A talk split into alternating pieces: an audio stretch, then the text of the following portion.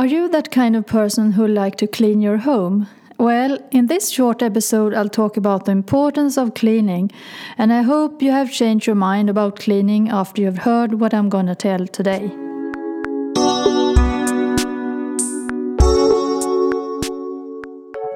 Welcome to Design the Simple Life and episode number 12. I'm your host Ylva, and my mission is to inspire and coach you into a simple life and lifestyle. If you're interested in knowing more about my offer, simply head on to my website ylvamariadesign.se. You'll find the link in the description, and I'm so glad you're here, and let's get started. If you have followed me for a while, you know that I've decluttered my home and life very much the latest years. And the reason for that is that I was moving three times to a smaller and smaller apartment and was forced to declutter my belongings. Hello, Dylan, that's my cat. I believe that everything comes with a purpose, so to make my story short, my decluttering has given me a new life and I just love it. There's so many positive outcomes to make a change. Sometimes it could be a bit scary, but in the end, it will turn out well. Nowadays, I'm living in an apartment in a small town, and before I had a big farmhouse at the countryside. I haven't all the big animals, just the small ones like hens, cats, and rabbits.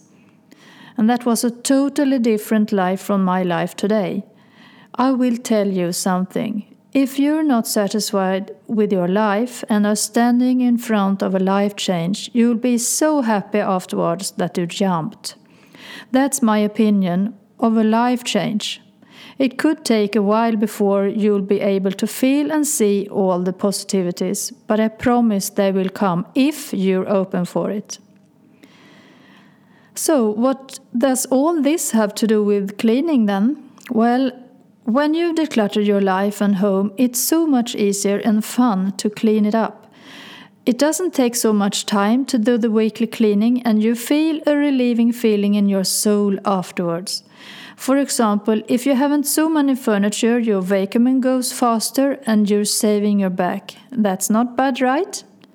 To make your cleaning into a routine, it's not so hard, I think. Sometimes I make the dusting off one day and then the day after I do the rest.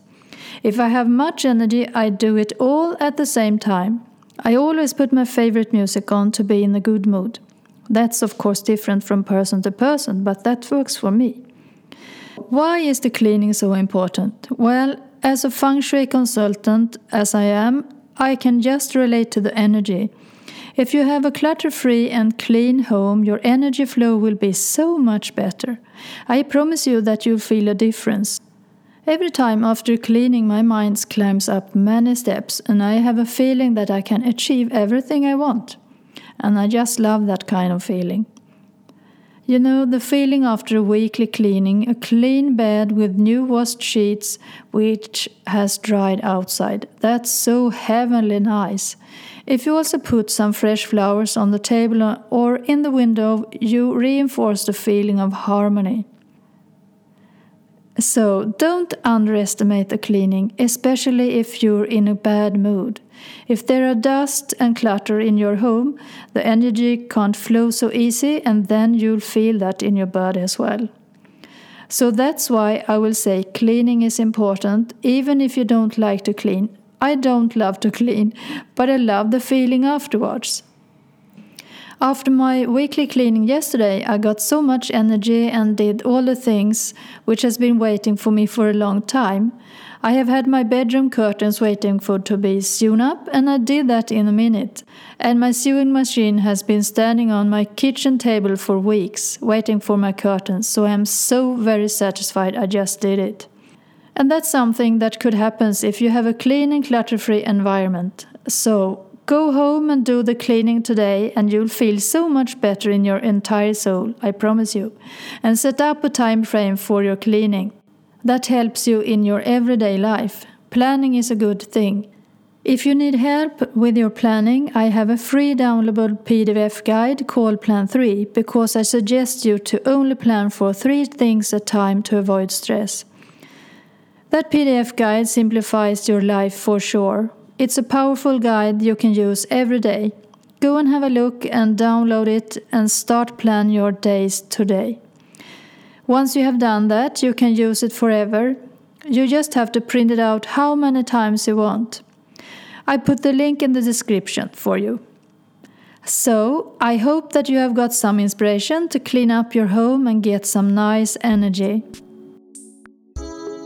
Don't forget to subscribe to Design a Simple Life so that you'll get notifications for the upcoming episodes and please leave me a review in iTunes if you would like to support me and my company.